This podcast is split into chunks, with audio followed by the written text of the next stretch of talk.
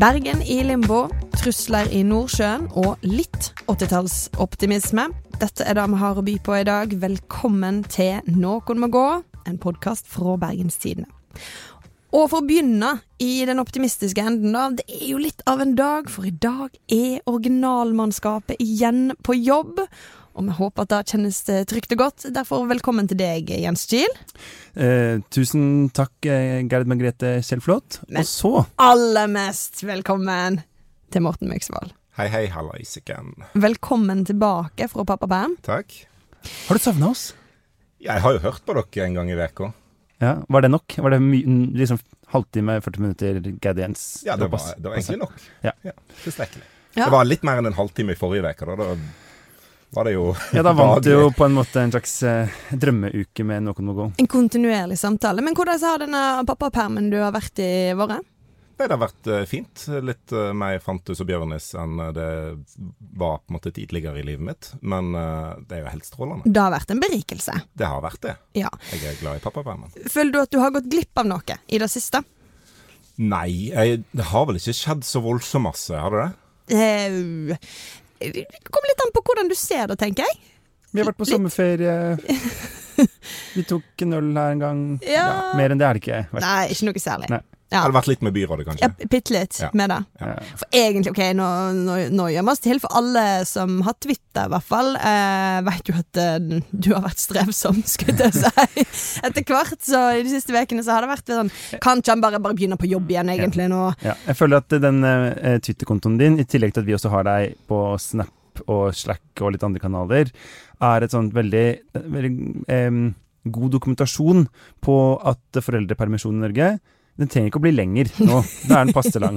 er en muskel, så du må på en måte trene den litt opp igjen. Eh, og Ja. gå inn her med permhjerne, det, det er ikke å anbefale. Ja. Nei, for du ble dum da du hadde permisjon. OK, takk. Jeg sender ballen over til han som har holdt hjernen i gang, jeg, da. Jeg tror vi starter med det som uh, førte til ekstrapod på ekstrapod i uh, forrige uke. For da gikk jo Roger Valhammer som kjent av. Han annonserte sin avgang fredag. Uh, hør litt på dette. Jeg kjenner på alvoret i saken, og jeg ønsker å ta det politiske ansvaret. Og jeg ønsker derfor ikke å gå på igjen. Jeg tror verken Bergen by eller barnevernet i Bergen er tjent med et pingpongspill fram mot jul, hvor vi kaster hverandre etter tur.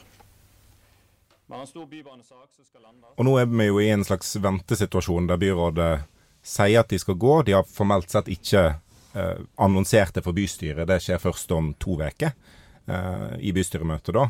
Så det blir jo en litt sånn langtekkelig prosess dette her med å få på plass et, eh, et nytt byråd. Men vi kan jo allerede nå måtte begynne å se framover og tenke litt hvem, hvem er det som skal styre byen eh, etter dette mistillitsforslaget.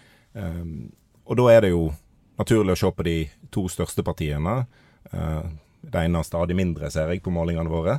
Men eh, la oss starte med, da, med Arbeiderpartiet. Altså Roger Valhammer eh, sier at, i, i denne talen at det er godt mulig at siden han ikke skal gå på igjen, eh, så kan noen andre i Arbeiderpartiet eh, ta partiet inn i byrådet igjen. Og Rune Bakervik har jo Ja, for det er vel en av de tingene som som har fått eh, Hva skal jeg si, en slags sånn eh, mye hyllest da, de siste dagene gjennom helga, var jo at, at han sa at han eh, går av. Det måtte han jo på en måte fordi at det var et flertall for mistillit, men at han også sier at det blir ikke jeg som går på igjen. Eh, Formelt sett kunne han vært litt trassig og sagt OK, dere får kaste meg i eh, fremme forslag om å kaste meg i oktober, og formelt kaste meg i november. Så han kunne sittet i to måneder til. Ja, men alle hadde, det hadde men- tatt seg helt forferdelig ut. Og for at Arbeiderpartiet, som er på 14,9 så har du ikke, ikke sjans. Det viser at du ikke alltid må følge reglene, men følge liksom intensjonen til parlamentarismen. og det Eh, man skal føle på skamvet, på en måte, kanskje. Og da gjorde han, og, og gjorde det veldig ryddig. Og så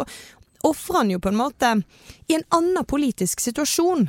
En situasjon der det hadde vært lettere for Høyre å kunne ta over makta.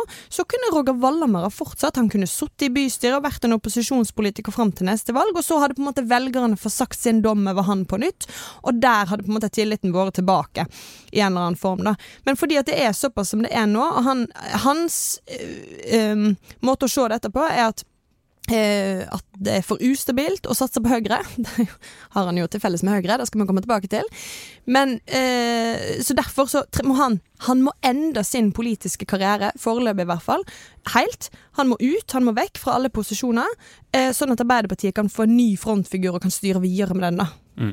Og det vanlige ville vært at det er eh, ordføreren som plukker ut, eller peker på den som skal få oppdraget.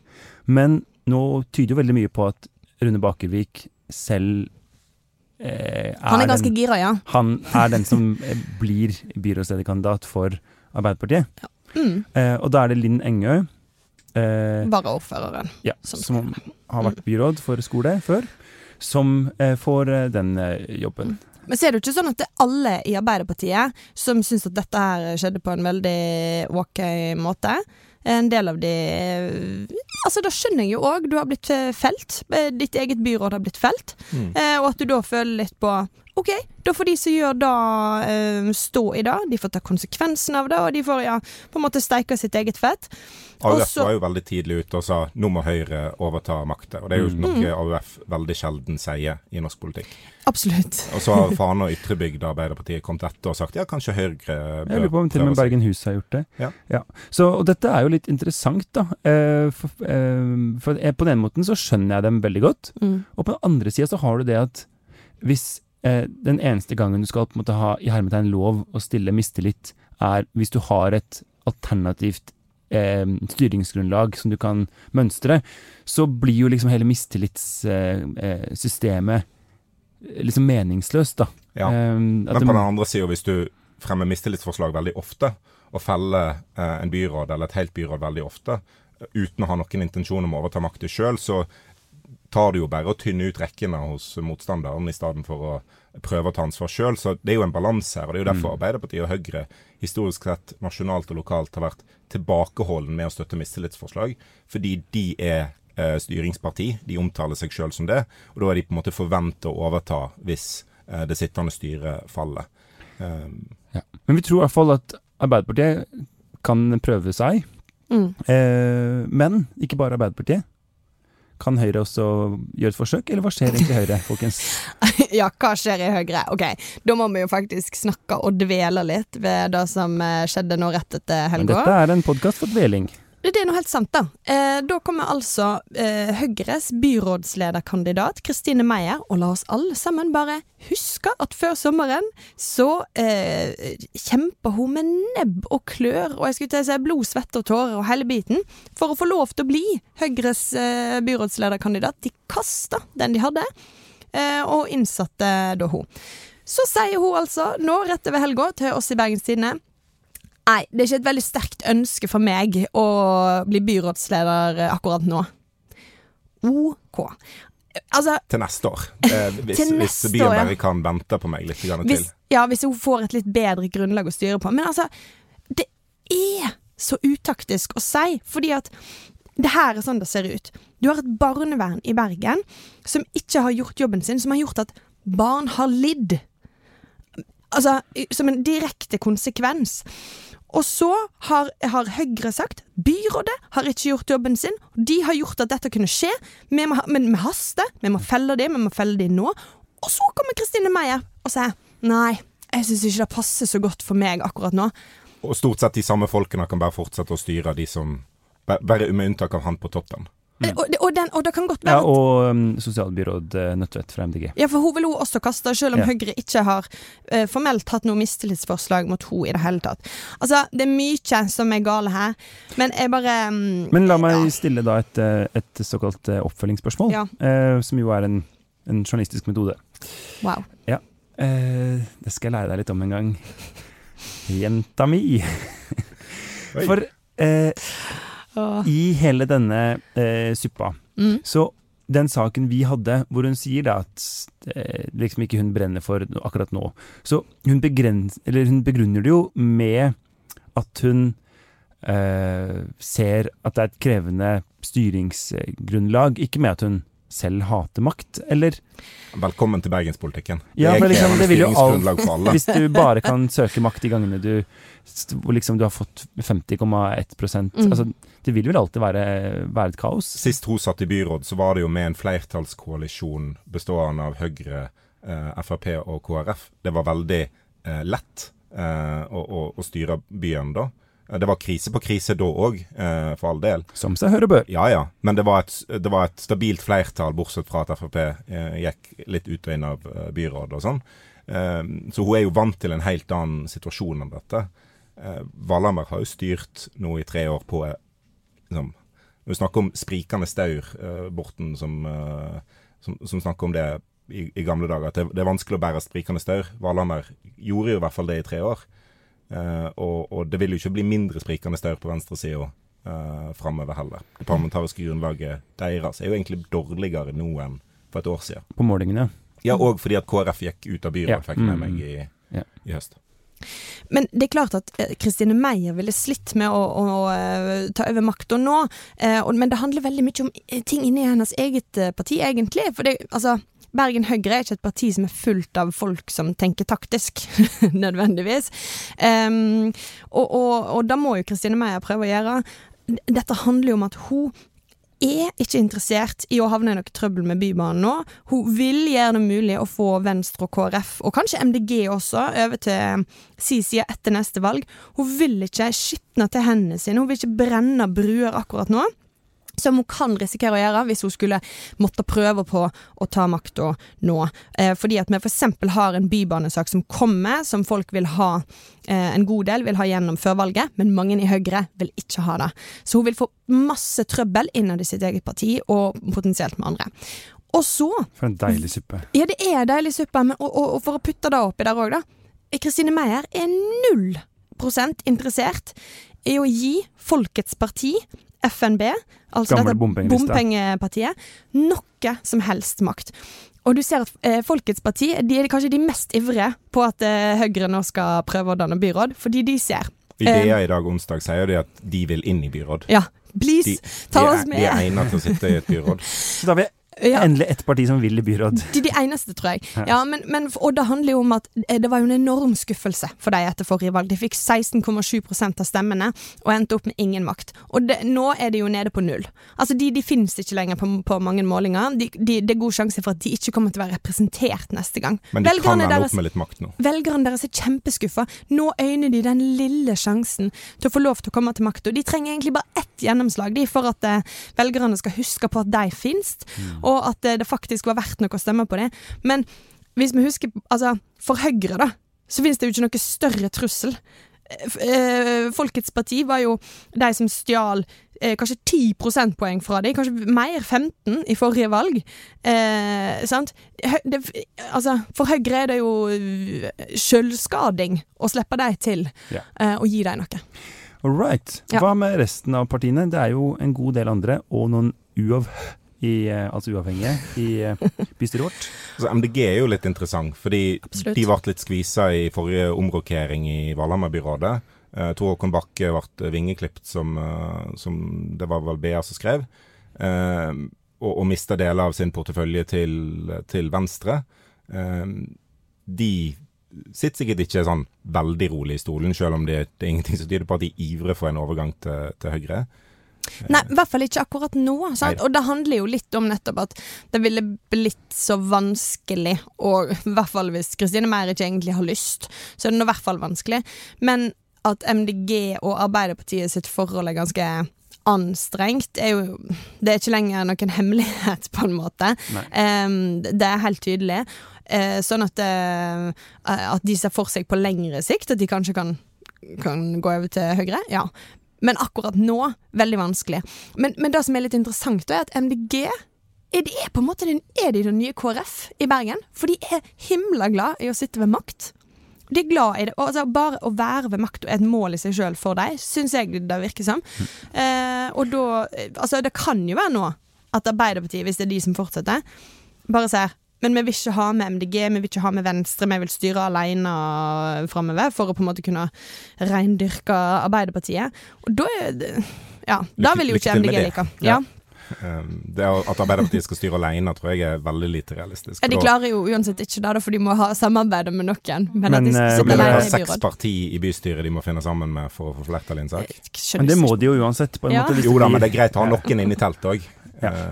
Yes. Eh, det er jo en eh, Altså, ytre, jeg håper å si, ytterkantene har jo ikke så mye å si, men tror vi Altså, både SV og Rødt må jo peke på eh, Valhammer, eh, Ja, eller på Arbeiderpartiet. Rødt var veldig raske med å si vi skal hindre Høyre å få makt. Eh, Frp må peke i retning eh, Høyre. Mm. Her fikk vi også en god korreksjon fra en hyggelig fyr i Frp som sendte meg en eh, melding etter forrige episode, og sa at eh, jeg skjønner liksom, eller liksom eh, helt fint av å tøyse med at det er en, en bystyregruppa til eh, Frp inneholder én bystyrerepresentant, men bystyregruppa er åtte mennesker, så det er jo flere som må bli enig. eh, Det er ikke liksom et eh, enkvinnesshow likevel. Og det var nå en god påpekning. Eh, denne podkasten er eh, nerdete nok til den slags Ja, det er helt sant. Ja. Mm. Um, men hvis vi da skal håper å si, runde av eh, dette, så har jeg et spørsmål som jeg sitter med. Mm. Og det er egentlig hva er det som gjør at partiene ikke vil søke makt? Fordi i mitt hode så er det jo sånn at skal altså, hele vitsen med å være et parti er jo å søke makt, søke gjennomslag. Og ja, det kan jo finnes taktiske grunner til at det er diggere å håpe på at du har 35% enn 20% etter valget for Høyre f.eks., eller sånn. Men eh, det å vise velgerne at jeg vil styre byen, jeg er villig til å ta ansvar, som en del f.eks. i Arbeiderpartiet nå sier, som jeg tenker er veldig fortjenstfullt. Mm. Eh, og, og på en måte At de, at de liksom eh, Ok, og rent sånn taktisk, da, så går du inn i inn i valgkampen, den lange valgkampen med eh, heltidspolitikere som byråder og eh, masse rådgivere, og du kan vise fram folk på en haug med saksfelt. Mm. Eh, hvorfor, hvorfor, hvorfor søker de ikke Hvorfor er alle Rødt, liksom? Hvorfor vil alle si noen andre enn oss får ta ansvar for å styre byen? Men jeg er helt enig, og, og jeg stusser over det samme. Eh, Jeg syns det er litt sånn jeg synes det er litt dårlig, rett og slett òg, jeg. For i hvert fall hvis du er Høyre og Arbeiderpartiet, så har du en slags kontrakt med velgerne. Du er styringsparti. Du skal alltid prøve på det. Du må ta ansvar, du, for at det skal bli en ordentlig styre både i by og i land og overalt. Eh, og at de nå bare viker unna og velger den strategien hele tida, det syns jeg Men alle er partier har jo egentlig en kontrakt med velgerne sine om å prøve å få mest mulig eh, politisk gjennomslag til de som har stemt på partiet. Altså Har en stemt på SV, så ønsker en jo at SV skal ha ei hånd på rattet i Bergen, ikke at Høyre skal få styre.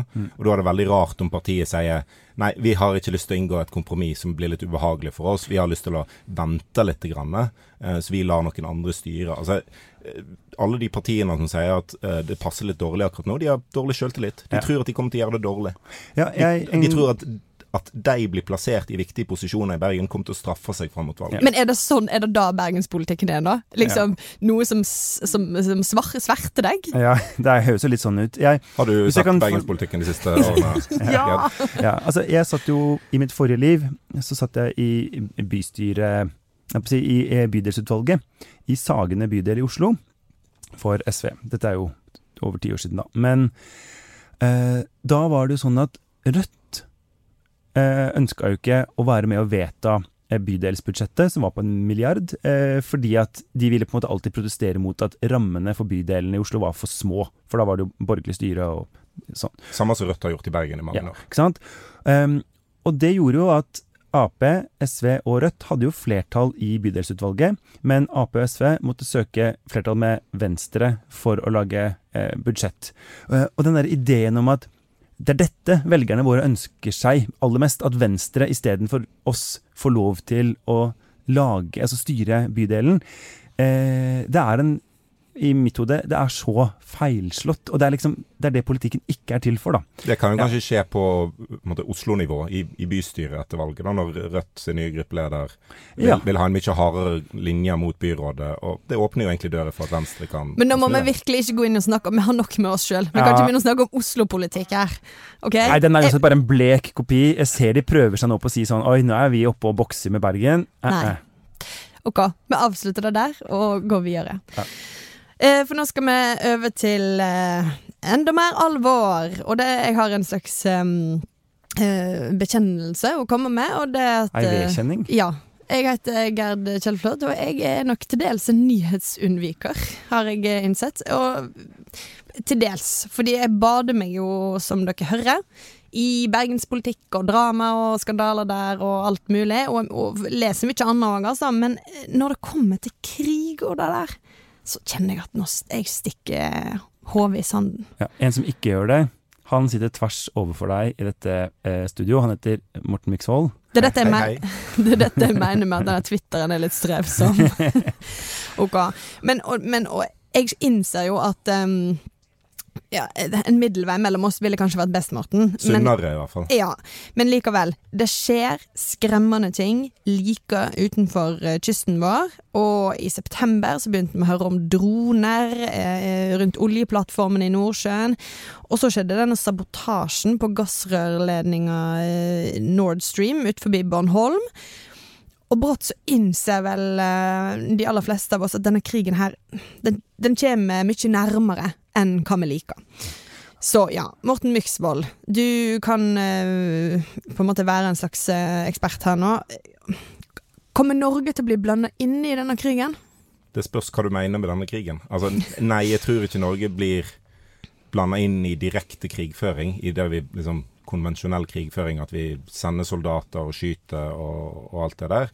Eh, en, altså, jeg ville ikke vært så redd om det skulle skje, så lenge en holder seg unna atomvåpen, for jeg tror vi hadde slått Russland eh, ganske greit. Vi har gode land med oss eh, Ja, på vår side. nå skal ikke si, Du mener ikke Norge alene, da? sant? Altså Sånn Russland kjemper i Ukraina, så er det nesten sånn at en uh, fire folk fra Østfold nesten kunne marsjert til St. Petersburg. OK, hø høy selvtillit bortpå her nå, men ja. Men, men uh, nei, det er vel Altså, det er det én ting Østfold ikke trenger, så er det hybris. eh, Det jeg er mer redd for, er at Norge skal bli blanda inn i, i det en kaller hybridkrig. Altså litt okay, mer sånn eh, uklar krigføring. Eh, Nord Stream-sabotasjen er et eksempel på det. Altså en, eh, vi, vi veit hvem som står bak, men vi veit ikke helt hvem som står bak. det. Det er derfor, det er derfor vi nå sier eh, sabotasje, men vi sier ikke russisk sabotasje, for det, at det kan man ikke bevise, ikke sant? Men ikke 100% det er bare sånn 98,5. Ja, og, og hybridkrig er noe eh, PST har advart mot i, i flere år. De har advart mot at Russland rekrutterer agenter i Norge, i, i næringsliv, i politikk. Hva Eh, gjør de, da? Agentene. Ja. Forum informasjon. Eh, det er jo noe de for så vidt ikke nødvendigvis trenger så masse av, for vi gir jo uh, leterefusjon til uh, Russland for å spionere på uh, havbunnen vår. Så det er jo uh, de, de, går, de går kanskje noen omveier, de der russerne. Det der er så, det er så deilig Norge. Eh, tenk deg hvis, hvis det kommer sånn derre eh, Konkurransetilsynet har nå eh, ilagt Norge en bot på to millioner kroner for at man ikke eh, gir nok næringsstøtte til russisk spionasje på eh, sokkelen. Hun mener det er konkurransevridende at kun Nato får spionere på Norge. Ja, men er det litt sånn Er vi, fr vi er fryktelig naive i dette landet? Ja, vi er jo det. Eh, og vi har vi, Men gå, gå tilbake, da. Bare si en setning om hva det var som faktisk skjedde. Det er rett og slett sånn at Norge har delt, som du sier. De hadde tilgang i ni år til en ganske viktig database om Hvem? altså, no, no, Russerne. Norge Et russisk deltatt- selskap. Ja, Ja. til et russisk selskap. Viktig informasjon om havbunnen eh, i, i Nordsjøen. Ja. Eh, og der, det går 8000, drøye 8000 km med, med rør til Europa. Norge er nå Europas største tilbyder av gass etter at Russland stengte eh, gassforsyningen eh, i, i- i stor grad. Eh, så det er ekstremt viktig for å komme oss gjennom denne vinteren at, at Norge klarer å forsyne Europa med gass. Og igjen, hybridkrig kan være så mangt. Det er eh, ikke veldig tydelig eh, alltid at vi blir utsatt for det. Eh, jeg mener at Norge og Europa ble utsatt for hybridkrig i fjor, eh, uten at vi merker så masse til det. Vi bare ser det på strømregningen nå. Eh, Russland holdt tilbake en gassforsyninger for at gasslagrene i Europa skulle bli lavere inn mot denne invasjonen i, i februar. Eh, deres håp var at Uh, ustabilitet i Europa knyttet til høye strømpriser, høye gasspriser, skulle føre til mindre solidaritet med Ukraina. Heldigvis har ikke det vist seg å stemme, men uh, Ja. Men det er, jo, Mm. Det er jo norske politikere som mener at vi skal snakke mindre om Ukraina eh, når det kommer til Eh, krisen. vi har da. hørt på noen eh, her i en episode for et par Ja. uker siden. Ja, absolutt. Så vi skal Ja, ja. slutte å skylde på han Putin. Mm. Men, eh, men eh, absolutt. Men Og de tingene der er jo redd for at det kan bli mer av. At vi kan se eh, flere liksom, lavskala angrep på ting som gjør ting ubehagelig for oss. Ja. At vi mister Så- strømmen, eller at uh, ting blir dyrere, eller at eh, politiske grupper i Norge som søker å skape uro for støtte fra, fra Russland. Altså, det, det kan være så Ja. mangt. Sånn at vi har jo hatt flere eksempler på eh, type militære skyteøvelser veldig nært norsk farvann, hvor de mister en rakett inn på in, i norsk farvann osv. Mm. Uh, og det er jo sånt som jeg tenker eh, eh, Det får jo folk i de områdene, iallfall ikke, ikke alle, da, men det får jo alltid noen i, i forskjellige områder av Norge til å si Skal vi virkelig ha så streng linje mot Russland? Eh, dette skjer liksom i vår bakgård akkurat nå. Burde vi ikke være litt greiere med dem, eller være litt mer på talefot, så vi slipper at vi sitter her og liksom mm. veit at rett ut i havgapet så driver Russland og eh, sender raketter ut i sjøen. Og det er jo sånne ting som, som kan eh, være med å gjøre, eller få endringer i opinionen, da. Og det skjønner jeg jo veldig godt at, at skjer. Men ok, la oss eh, avslutte der, da. Hvor redde skal vi egentlig være? Jeg tror ikke en skal være så veldig redde. Jeg tror ikke det kommer så fryktelig masse ut av det. Um, fordi det, det er jo utafor vår kontroll, egentlig, uansett. Uh, og, og litt av poenget med i hvert fall noen av grepene som Vladimir Putin holder på med, hele tida snakke om atomvåpen f.eks., er jo for å gjøre oss redde. Og hvis vi klarer å ikke bli redde, så lykkes han ikke med eh, og, og true oss til å la Russland ta Ukraina eh, og, og ut, utføre et folkemord der, eh, fordi vi er redd for oss sjøl. så jeg tror, jeg tror det er ganske nyttig å ikke være redd. Ja. Eh, både for egen mentale helse, men òg fordi at vi har mest sannsynlig ikke så masse å være redd for. Neste år blir et tema for verdensdagen for psykisk helse. Eh, ikke vær redd for verdenskrig. Ok, eh, jeg kjenner at eh, vi trenger, selv om med dine trøstende ord, eh, Morten Myksvold, så trenger vi jeg trenger mer. Jeg trenger et lite muntrasjonsråd. Og eh, å være kulturredaktør, Jens, er jo på en måte å være en liten gledespike, eh, er det ikke det? Takk for den. Altså Hvis ikke du skjerper deg, så kan jeg også være en liten sparkepike. Mm. Eh, og da har vi det Det ville vært li lite oppmuntrende for meg, men ok. ja, Du åpna dette litt eh, ah, kan-kan-ballet. Eh, men vi skal over til vår faste spalte Og Vestland. Yes, det skal vi. Eh, og eh, jeg vil si at tittelen for spalta denne uka er eh, Mann 36 skulle bare lese et eh, leserinnlegg i Hardanger Folkeblad. Endte opp med å fange tidsånden til hele vestlig sivilisasjon anno 1989. Wow. Ja, Store oppdagelser skjer ofte ved et uhell, Jens. Så- ja dette, er, um, dette er min sånn der eh, muggost. Vellagret nyttårstale. Ok. Jeg er ganske forvirra. Uh, Det er ikke noe nytt, men Begynn på denne reisen. Yes. For i Hardanger Folkeblad så var det et lesebrev om et slagord som vi kommer tilbake til, som ble referert av daværende statsminister Gro Harlem Brundtland i nyttårstalen 1989. Og den, på den tida var det cirka så lystig som det er nå for tida. Så jeg vil at dere skal eh, høre eh, statsministeren på den tida ønske sine landskvinner, landsmenn og eventuelle landsikk-binære et ja, heidundrende godt nyttår. Hør på dette. Ved dette årsskiftet er jeg glad for den oppslutning vi har fått om det som har vært helt nødvendig å gjøre. Mange har merket at de har fått mindre å rutte med. Jeg vet at det har vært vanskelig, spesielt for dem som fra før har minst. Året som gikk, har vært preget av forandring. Av omstillinger i vårt næringsliv, forandringer i vår økonomi, forandringer i verden omkring oss. Oi, hurra! Godt år! Hilsen Gro! Men, men altså, det her, er, det her er sånn eh, Man kan tenke sånn Er det, dette en innspilling til neste nyttårstale? Kanskje Støre bare har tenkt å sette det ut til Gro? Ja, ja, ja. Dette er forutseende, eh, rett og slett. Eh, og så er det dette uttrykket som vi bruker for lite, å rutte med. Eh, altså, den derre ruttinga Den har gått av moten. Det irriterer meg. Jeg skulle gjerne hørt mer rutting. Jeg syns at vi hører stadig mer om rutting nå. Jeg tror at det, det, du kan få ønsket ditt eh, oppfylt ettersom folks økonomien blir dårligere og dårligere. Så dette Ja. blir gode tider for deg. man bruker jo veldig ofte det som at man har mindre å rutte med. Men jeg vil jo ut og rutte. Sant? okay. Hva rutta du sist, eh, Morten? Jeg rutta litt på butikken i går, tror jeg. Veldig bra.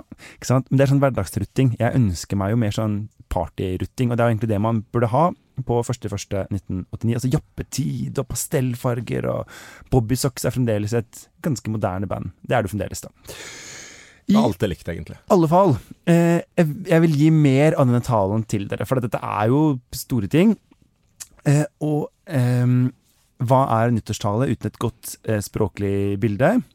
Så eh, vi skal videre til eh, de franske jernbanelinjer. Hør litt på det her. Ved franske jernbaneoverganger står det gjerne en advarsel som sier Husk at ett tog kan skjule et annet. Vi må heller ikke la problemene stjele hele synsfeltet. Bak det ene toget, det som heter mismot og handlingslammelse, kan skjule seg det neste, et som heter pågangsmot og handlekraft. Og det er vel ingen tvil om hva vi skal velge. Forutså Gro Harlem Brundtland jernbanereformen her? Altså, Det var ikke mismot, men Sørbanen. Ja, ja. Sørtoget. Og det er jo spørsmålet eh, om for eksempel deg, Gerd, bare for å ta et menneske i lokalet. Vil du helst bli påkjørt av toget mismot og handlingslammelse, eller pågangsmot og handlekraft?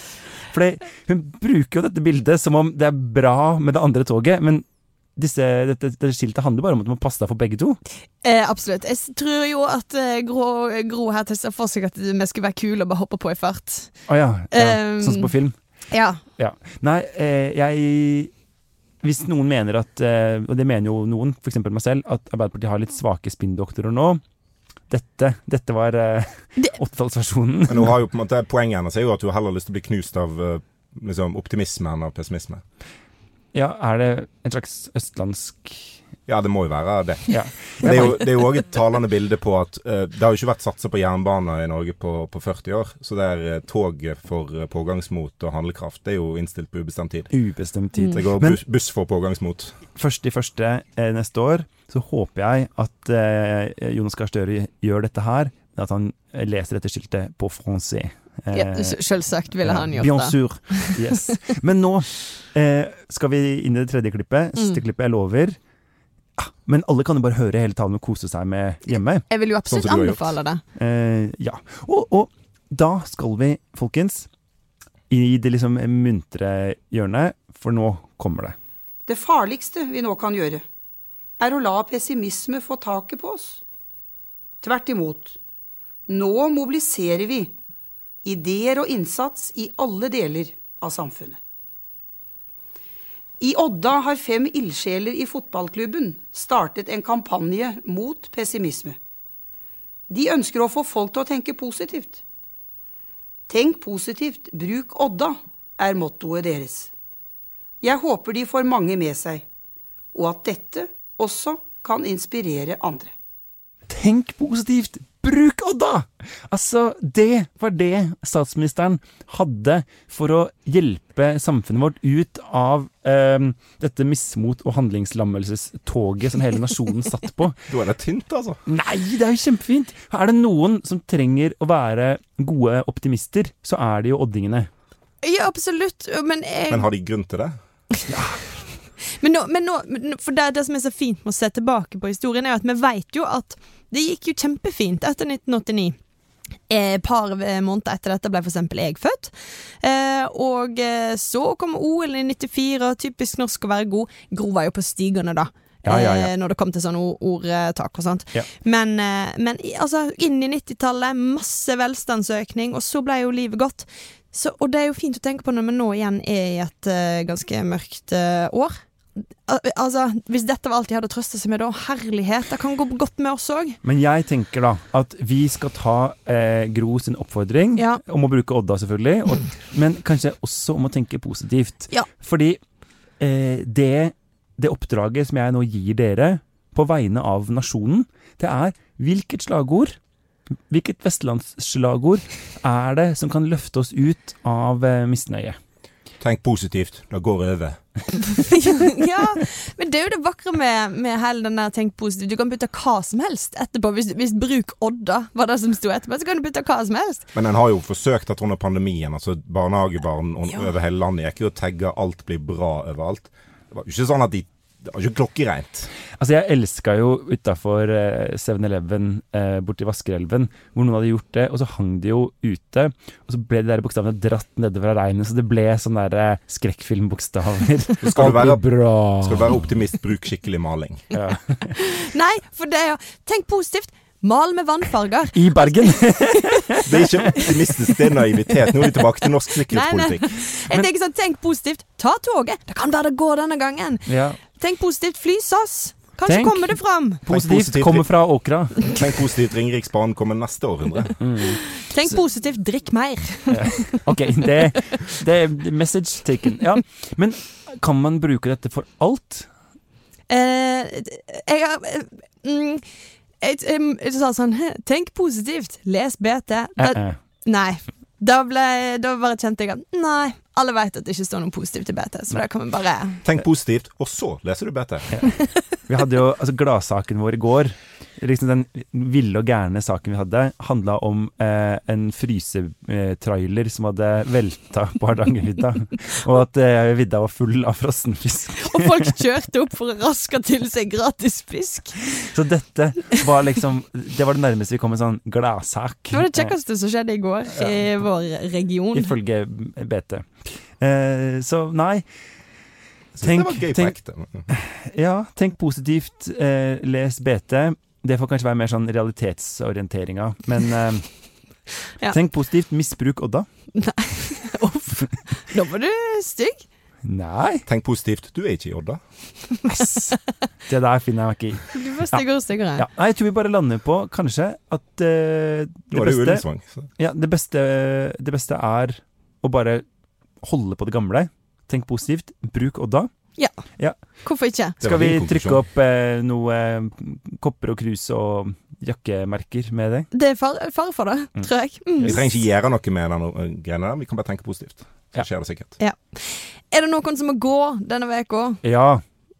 og du vil føye Jeg vil gjerne melde meg til liksom eh, først på dette her. Eh, og det er politikere som har stilt til valg, men ikke ønsker å eh, ta ansvar og gripe makten. Gå. Ha litt sjøltillit. Alt blir bra, folkens. Ja, bruk Odda. ja, Tenk positivt, ta makta.